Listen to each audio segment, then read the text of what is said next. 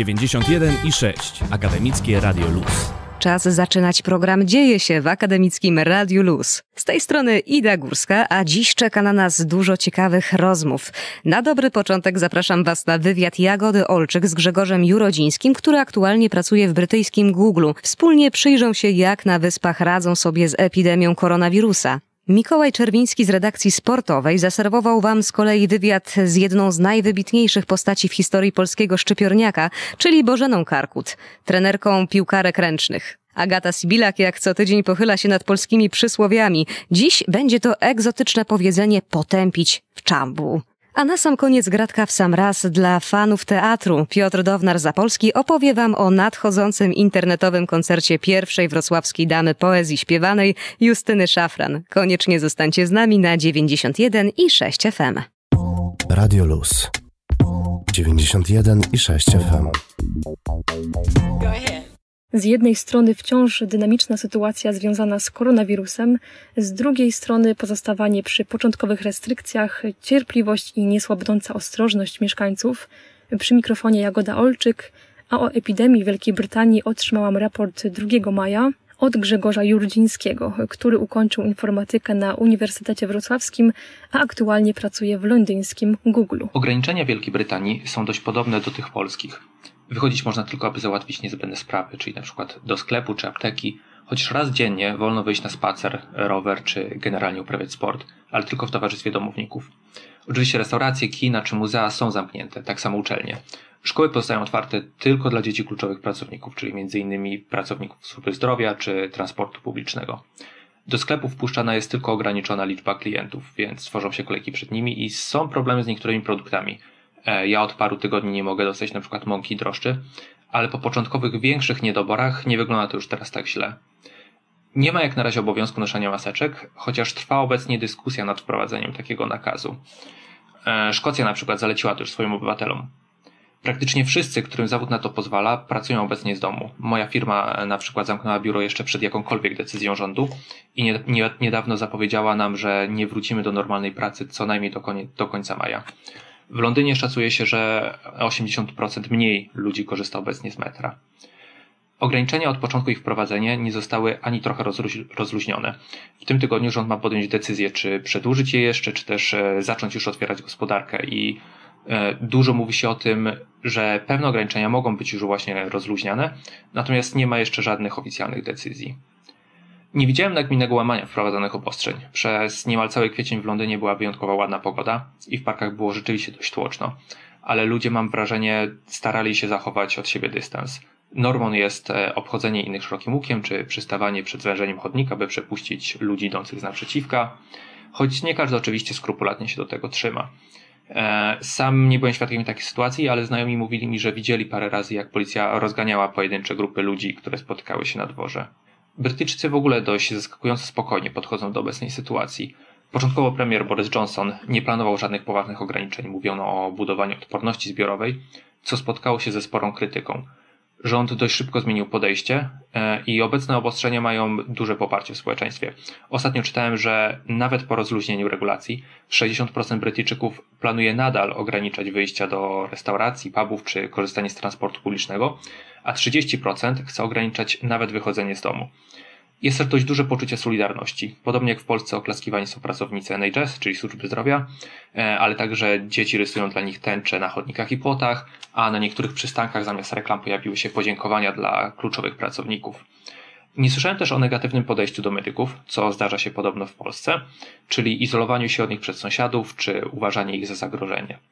E, tak jak w innych krajach, wolontariusze pomagają osobom w kwarantannie oraz organizowane są akcje charytatywne wspierające NHS i badania naukowe nad koronawirusem. Są natomiast spore obawy o gospodarkę, stąd też naciski, aby zacząć szybko rozluźniać ograniczenia, I tego między innymi dotyczy obecnie debata publiczna, na co możemy sobie pozwolić, co już trzeba robić. Jak wygląda zdalna nauka, czym są egzaminy przeprowadzane w formie open book i jak będzie przebiegać rekrutacja na uczelnie, edukacyjne, rozrywkowe pakiety online i hit brytyjskiego YouTube'a. Szkoły są otwarte tylko dla dzieci kluczowych pracowników. Z tego co mi wiadomo, pozostałe młodsze dzieci nie mają obowiązkowych zajęć online, ale starsze już tak. Uczelnie mają o tyle ułatwione zadanie, że na większości z nich w marcu skończył się drugi trymestr i trzeci jest zazwyczaj poświęcony głównie na egzaminy. Zajęć jest mało i są prowadzone przez internet. Egzaminy dla studentów też są prowadzone zdalnie, ale szczegóły każda uczelnia ustala już sama. Wiele organizuje je w formie open book, to znaczy można korzystać z dowolnych źródeł, ale równocześnie studenci podpisują oświadczenie, że nie kontaktowali się z nikim w trakcie egzaminu, więc jest to oparte na jakimś zaufaniu do studentów. Odpowiedniki naszych matur czy egzaminów ósmoklasy zosta zostały natomiast odwołane i to już jakiś czas temu. Rekrutacja na uczelnię odbędzie się na podstawie przewidywań nauczycieli co do wyników matur, przy czym te oceny już wcześniej miały wpływ na proces rekrutacyjny, więc jest to bardziej sformalizowane niż w Polsce. A ponadto Centralna Komisja ma korygować te oceny, biorąc pod uwagę historyczne wyniki szkół, więc nie powinno to e, zależeć wyłącznie od widzimisię i zwyczaju nauczycieli. Muzea, teatry czy kina są oczywiście zamknięte, ale niektóre starają się działać w internecie. E, National Theatre na przykład co tydzień udostępnia za darmo na YouTubie nagranie jednego ze swoich spektakli. Tate Modern organizuje wirtualne wycieczki po swoich wystawach i można różne muzea zwiedzać przez internet. Szkoły natomiast podsuwają też rodzicom pomysły różnych nieobowiązkowych zajęć online, którymi można zająć dzieci. Wielkim hitem brytyjskiego YouTube'a jest obecnie PE with Joe, czyli WF z Joe. Zajęcia sportowe zarówno dla dzieci, jak i dla doros i dorosłych, których autor przekazuje zyski na NHS. Anglia przed czy po szczycie zachorowań, wyposażenie szpitali, ale też sprawa Brexitu, imigrantów i wyborów samorządowych. Ponieważ Wielka Brytania zareagowała na pandemię z opóźnieniem, w zeszłym tygodniu wyprzedziliśmy Francję i Hiszpanię pod względem liczby zgonów spowodowanych COVID-19, a w weekend także Włochy. Znajdujemy się obecnie na drugim miejscu w tym niechlubnym rankingu. Obecnie zmarło tu już 30 tysięcy ludzi. Niestety, patrząc na statystyki, wygląda na to, że przed nami jeszcze dłuższa droga niż przed innymi europejskimi krajami, choć kilka dni temu rząd ogłosił, że znajdujemy się już za szczytem. Mówi się także o tym, że nie wszystkie śmierci jesteśmy w stanie odpowiednio odnotować, a w szczególności duża jest podobno umieralność w domach opieki dla starszych osób, co w ogóle nie jest zaliczane jako e, zgony spowodowane koronawirusem. Na szczęście udało się uniknąć przepełnienia szpitali, jak miało to miejsce na przykład w północnych Włoszech, chociaż wiązało się to z ograniczeniem wykonywania zabiegów, które nie są niezbędne. Słyszałem także, że choć sprzętu dla pacjentów nie brakuje, to są pewne niedobory w środkach ochronnych dla pracowników, ale są to sytuacje raczej lokalne. Dotyczy to pojedynczych szpitali, nie jest to jakiś systemowy problem. Premier Wielkiej Brytanii, Boris Johnson, sam zresztą przeszedł chorobę COVID-19. Dopiero w zeszłym tygodniu wrócił w pełni do pracy. Co ciekawe, e, w oświadczeniu na Twitterze e, dziękował bardzo e, służbie zdrowia. Nazwał to wręcz tym, że uratowali mu życie i wśród osób, które wymienił, były dwie pielęgniarki, jedna z Nowej Zelandii i druga z Portugalii. Sam wspomniał o tym, skąd pochodzą. Jest o tyle ciekawe, że Boris Johnson był jednym z głównych polityków popierających Brexit i krytykujących imigrację do Wielkiej Brytanii, a teraz otwarcie dziękuję imigrantom za ratowanie im życia, mu życia. Wygląda na to, że cała sytuacja znacząco poprawiła jego notowania. Jest obecnie jednym z najlepiej ocenianych w sondażach przywódców w Europie, pomimo początkowego niewypału z pomysłem budowania odporności zbiorowej i sporych cięć wydatków na służbę zdrowia, jakie wprowadzała jeszcze w zeszłym roku jego partia. Ponieważ Londyn e, był na początku ogniskiem epidemii w Anglii, krążyło w sieci wiele plotek o planach odcięcia stolicy od kraju. Znajomi przysłali mi nawet zdjęcia, które miały przedstawiać wojsko rzekomo szykujące się do takiej akcji, ale do niczego oczywiście nie doszło. Co ciekawe, niedawno jeden z członków rządu powiedział, że przez chwilę taka propozycja była rozważana, ale została szybko odrzucona. Ciągle żywy jest też temat Brexitu. Obecnie znajdujemy się w stanie przejściowym, planowo do końca tego roku. Jest możliwość przedłużenia tego stanu, ale rząd brytyjski musiałby złożyć odpowiedni wniosek do końca czerwca i nie wiadomo, czy do tego dojdzie. Wielu ludzi uważa, że jeden kryzys naraz to i tak już dużo, ile najpierw poradźmy sobie z koronawirusem, ale są też głosy, że wyjście z Unii Europejskiej i tak jest zbyt długo przeciągane i trzeba to dokończyć za wszelką cenę. Ciekawy z polskiej, z polskiej perspektywy może być też fakt, że w lipcu w Wielkiej Brytanii miały odbyć się wybory samorządowe, ale zostały przełożone na maj 2021 roku, pomimo tego, że głosowanie korespondencyjne jest tu już od dość dawna możliwe. Aktualny stan epidemii, przejściowy stan Brexitu, mimo podejmowania pewnych decyzji czy zmian wcześniejszych decyzji, wiele, większość spraw ma teraz status tymczasowości. Jagoda Olczyk, dzięki dobrego, spokojnego dnia. Słuchacie Akademickiego Radia Luz na 91 i 6 FM. W cyklu Dzieje się zaglądamy do świata sportu. Bramki są dwie, piłka jedna, a zawodników w tej akurat dyscyplinie na boisku jest siedmiu w jednej drużynie. Posłuchajmy rozmowy Mikołaja Czerwińskiego z Bożeną Karkut. To jedna z najwybitniejszych postaci w historii polskiego szczypiorniaka. Wrocławianka w swojej długiej karierze zawodniczej dwukrotnie wygrała Ligę Mistrzyń. Dla reprezentacji Polski rozegrała 151 spotkań, w których rzuciła 539 bramek, co czyni ją piątą, najskuteczniejszą kadrowiczką wszechczasów. Od 20 lat jest trenerką Zagłębia Lubin, z którym wywalczyła już 11 medali Mistrzostw Polski i 4 puchary kraju. Po 20 latach pracy w Lubinie czuje się Pani bardziej wrocławianką czy lubinianką? Zawsze mówię, że serce mam podzielone na pół, bo 20 lat pracuję w Lubinie jako trener, ale 25 lat grałam jako zawodniczka i jestem wychowanką HZS-u Wrocław, dlatego jako zawodnik moje życie było związane z Wrocławiem, natomiast jako trenerka z Lubinem. Jak to się w ogóle stało, że trafiła Pani do, do Zagłębia? Zupełny przypadek. Grałam bardzo długo. W 2000 roku zakończyłam karierę w wiedeńskim Hipobanku. Właśnie zdobyliśmy Puchar Champions League. Około czerwca, można powiedzieć, zaczęłam 40 rok życia i stwierdziłam, że muszę trochę odpocząć i wydawało mi się, że przynajmniej z pół roku po prostu nie będę nic robić. Żartując oczywiście, bo wracałam do Polski i gdzieś wiązałam mm, tutaj swoją przyszłość z pracą we Wrocławiu, czy w szkole, czy na uczelni. No niestety drużyn wtedy piłki ręcznej na, na, na poziomie Lubina nie było. Natomiast jak wróciłam, to zaczęły się zgłaszać kluby, nie tylko z Lubina, czy nie chciałam być grającym trenerem. Kompletnie mi ta propozycja nie pasowała, bo już w wieku 40 lat nie chciało mi się grać. Natomiast no, jako trener zaczęłam się zastanawiać i tak naprawdę najbliżej Wrocławia był Lubin. W związku z tym, że ostatnie lata swojej kariery spędziłam poza domem, za granicą. Chciałam już gdzieś osiąść po prostu w domu. Szczególnie, że córka była na etapie nauczania szkoły średniej, więc przygotowania do matury i zależało na tym, żeby być w domu. No i wybrałam Lubin. 20 lat to szmat czasu. W zawodzie trenera to jest naprawdę naprawdę bardzo długo. Po tylu latach może zmęczenie materiału się pojawić. Czy myślała Pani kiedykolwiek nad zmianą otoczenia? Wiele razy jak jest źle, to się myśli o zmianie, bo no,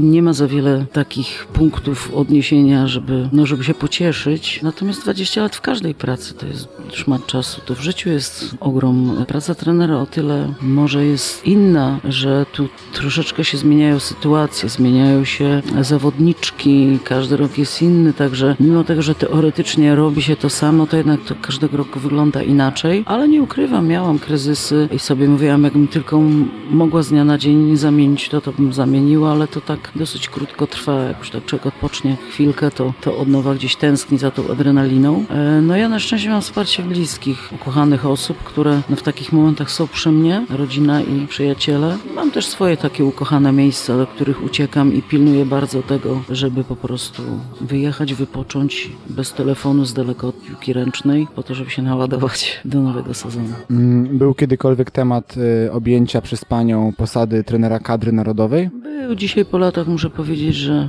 żałuję, że byłam taka bardzo ambitna i uczciwa, bo był taki moment kryzysu w reprezentacji. Byłam wtedy w Radzie Trenerów i zaproponowano mi, czy bym nie objęła tej reprezentacji, która jest w kompletnej rozsypce i, i potrzebuje jak najszybciej zmiany trenera.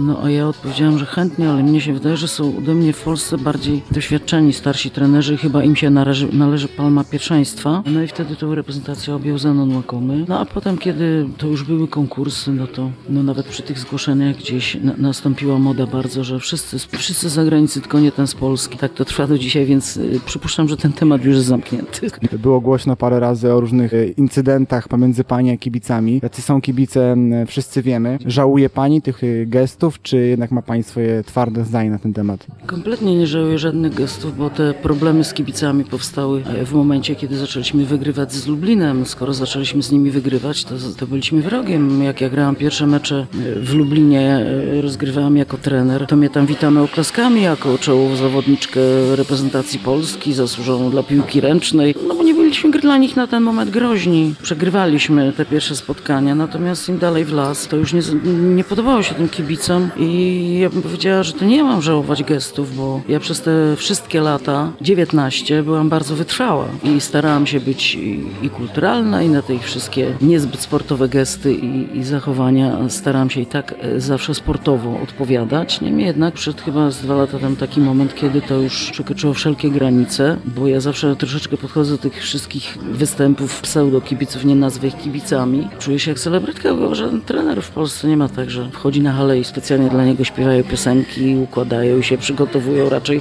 się przygotowują do kibicowania swojej drużynie, a ja naprawdę mam e, specjalny e, występ artystyczny, natomiast wszystko ma swoje granice. Po pierwsze jestem e, kobietą, po drugie jestem trenerem, który już trochę lat pracuje i, jakieś sukcesy ma, po trzecie jestem jakąś tam zasłużoną osobą w tym stuleciu piłki ręcznej i no pewne rzeczy po prostu nie przystoją, natomiast śpiewanie piosenek, w których co róż pojawiają się wulgaryzmy, tak naprawdę to nie tyczy tylko mnie, bo to przecież same zawodniczki też odczuwają i mają dosyć. To przychodzi taki moment słabości, no. Każdy jest tylko człowiekiem, natomiast nie myślę, żebym komuś straszną krzywdę zrobiła, bardziej e, zastanawiałabym się nad tym, gdzie jest granica tego, co może kibic, co może, mm, nie wiem, hejter w internecie, bo no, przyszły takie czasy, że ludzie nie znają żadnych granic. Ja sobie to zawsze tłumaczę, że to, mm, to muszą być jakieś słabe osoby, jakieś bardzo sfrustrowane, niezadowolone z życia, bo świadomie, tak po prostu, jako szczęśliwa osoba, nigdy nie myślałabym o tym, żeby coś przygotować komuś, żeby sprawić mu przykrość, czy zrobić na złość. Wiele osób, które to robi w kierunku moim i się zastanawiam, jak bardzo muszą być nieszczęśliwe.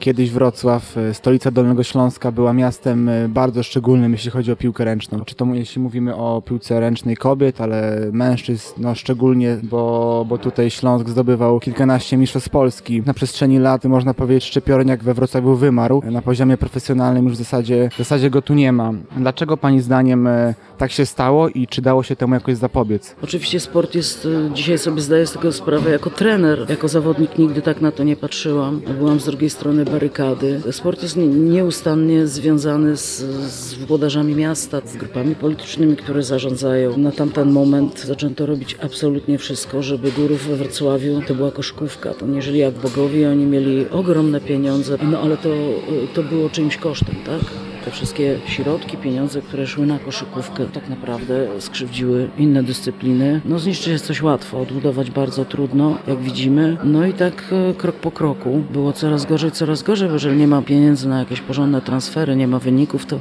coraz trudniej się rozmawia z następnymi, żeby dali na to, no bo na co mają dawać pieniądze, jak sukcesów nie ma. Było zielone światełko za ZS-em Wrocław, które te dziewczyny naprawdę specjalnie pieniędzy nie miały, ani niewiele klub musiał robić, a jednak zlikwidowano. Dziwię się, bo uczelnia, która szkoli trenerów, przynajmniej na poziomie akademickim, no to, no, no to powinna mieć drużynę piłki ręcznej, jednej, i męską, i żeńską. W Śląsku wydawało się, że coś urodzi, no ale znów z tego, co słyszałam, to się spotkało gdzieś tam parę nieuczciwych osób i i nie do końca się uczciwie rozliczyli i wszystko upadło, ale początki były takie, no. Potęgą była krzykówka. Oczywiście piłka nożna przetrwała, bo piłka nożna jest sportem światowym i jak nie jedni, to drudzy w końcu uratują tą piłkę nożną. Natomiast te inne gry zespołowe szkoda, tak, bo ja grałam w latach, kiedy my mieliśmy Mistrzostwo Polski w siatkówce, w piłce ręcznej, w piłce nożnej, w koszykówce. Byliśmy po prostu e, stolicą gier zespołowych na dzisiaj. E, owszem, jeżeli chodzi o męską piłkę ręczną, no to mamy trochę zespołów, bo i Gwardia e, Opole, i Głogów, i Zagłębie Lubin, no to wszystkie drużyny blisko siebie, ale no bez jakichś spektakularnych sukcesów. Mm, no a też czasy świetności minęły, szkoda, bo pewnie jeżeli się nie znajdą jacyś fanatycy, ale fanatycy z pieniędzmi, to, to ciężko będzie odbudować. Czy jest jakaś nadzieja dla, dla wrocławskiej piłki ręcznej? Na dzisiaj, ponieważ jestem no, poza tutaj Wrocławiem, jeżeli chodzi o to zaplecze finansowo-organizacyjne, trudno mi powiedzieć, czy jest taka szansa. Ja mówię, to się musi trafić albo grupa ludzi, która tak naprawdę konkretnie da środki finansowe na piłkę ręczną, a nie na koszykówkę, a nie na piłkę nożną, bo tak to wygląda niestety. I gdzieś wsparcie tych, tych ludzi, którzy dzisiaj pracują, wychowują tych piłkarzy ręcznych czy piłkarki i plus te pieniądze może da coś na poziomie awansu do ekstraklasy. Natomiast pamiętajmy o tym, że sam awans to nie wystarczy. Trzeba mieć znowu ogromne pieniądze, może nie ogromne, ale na pewno dużo większe niż w ligach niżej na tą ekstraklasę i to jest problem przy tych awansach, że często no awans tak, ale co dalej? No takim zastępstwem dla Wrocławia, jeżeli chodzi o kobiety, są Kobierzyce. Bogata gmina, no nie we Wrocławiu, to w Kobierzycach. Ja pamiętam dawno temu, jak do mnie koleżanki czy koledzy dzwonili z Wrocławia i słuchaj, mam dobrą dziewczynę, kończy, kończy liceum, no szkoda, no nie ma gdzie iść, no nie ma gdzie iść. No i taką podstawę dały wtedy Kopierzyce tutaj to było tak najbliżej. Dzisiaj myślę, że zbierają tego plony, a też się nie opiera to na wychowankach samych, tak? No musieli kogoś dokupić, żeby zaistnieć w tej ekstraklasie, ale na to znowu trzeba było chętnych z tej gminy i pieniędzy. No miejmy nadzieję, ja życzyłabym sobie, żeby, żeby moje miasto Wrocław jednak potęgą w tej piłce ręcznej jeszcze kiedyś było. W tych 20 latach bardzo różnych, ale jednak myślę takich bogatych w różne sukcesy w zawodzie trenera. Co by chciała Pani osiągnąć przed tym, jak Pani powie pas? Powiem tak, no sport jest taką dziedziną, że zawsze kiedyś się kończy, czy ja, będę, czy ja byłam zawodniczką, czy jestem trenerem, to się kiedyś kończy. Ja to mówię tak o emeryturze, ale ja równie dobrze mogę sobie dłużej pracować, natomiast wiem, że to się kiedyś skończy. Moje marzenia wciąż są, ja sobie każdego roku stawiam cele, bez względu na to, jak bardzo one są do spełnienia, czy nie. I myślę, że dlatego przez te 20 lat Lubin ma 16 medali, ciągle jest w czołówce, że dlatego w XXI wieku Lubin jest y, najczęstszym zdobywcą Pucharu Polski. Natomiast ja ciągle dziewczynom mówię, nie skupiajmy się tylko na tym, co na rynku krajowym, tak? Przecież mamy szansę powalczyć w pucharach, klub to opłaca, bo to nie jest takie znowu łatwe, tak? Chcieć to jedno, a mieć pieniądze to drugie, bo czasem te wyjazdy doprowadzają po prostu do ruin finansowych kluby. I co roku gdzieś próbuję napędzić te dziewczyny, no bo nie wszystkie też grają w reprezentacji, a no, ponieważ sama przeżyłam dwa razy zwycięstwo w Champions League i wiem, jakie to jest po prostu fajne uczucie. No. Ja bym chciała, żeby one takie coś przeżyły. Mam te swoje dziewczyny, które do mnie przychodzą z marzeniami z, z różnych mniejszych klubów, to tu stają się gwiazdami, to tutaj zdobywają pierwsze medale, puchary i ta ich radość, to wszystko, to ja po prostu uwielbiam na to wtedy patrzeć. E, zaczynając od tego, że gramy i e, wygramy z Lubinem mecz ligowy i, i dziewczyna ma łzy w oczach mówi, pierwszy raz w życiu wygrałam z Lubinem, trenerką. No i to takie piękne jest. I naturalnie, że jako trener chciałabym e, dominować w Polsce, ale no, chciałabym jednak e, gdzieś coś w Europie trochę dalej dojść. Udało nam się dwa razy dojść w życiu do półfinałów pucharów europejskich, natomiast od dobrych paru lat jakoś się zatrzymujemy na ćwierćfinałach, a jednak bym gdzieś e, chciała postawić zespołowi wyżej poprzeczkę. No ale do tego, jak mówię, do tanga trzeba dwojga, a, do, a w grach zespołowych to trzeba e, całego zespołu trenerów i dużo szczęścia. Mistrzostwa Polski, e, triumfu w Europie i lepszego jutra dla wrocławskiego szczypyrniaka. Tego Pani życzę. Dziękuję bardzo za rozmowę. Akademickie Radio Luz. Język polski to skarbnica powiedzeń i przysłów. Czy dobrze je znamy? Czy używając ich zawsze wiemy o czym mówimy? Dziś dowiemy się, co znaczy potępiać w czambu. Zapraszam, Agata Sibilak. Czym więc jest ten czambu? Słowo pochodzi z języka tureckiego, a w polszczyźnie pojawiło się w XVII wieku i miało trzy znaczenia. Gwałtowna i krótka wyprawa wojenna Tatarów, tatarski oddział zbrojny, grupa Czereda.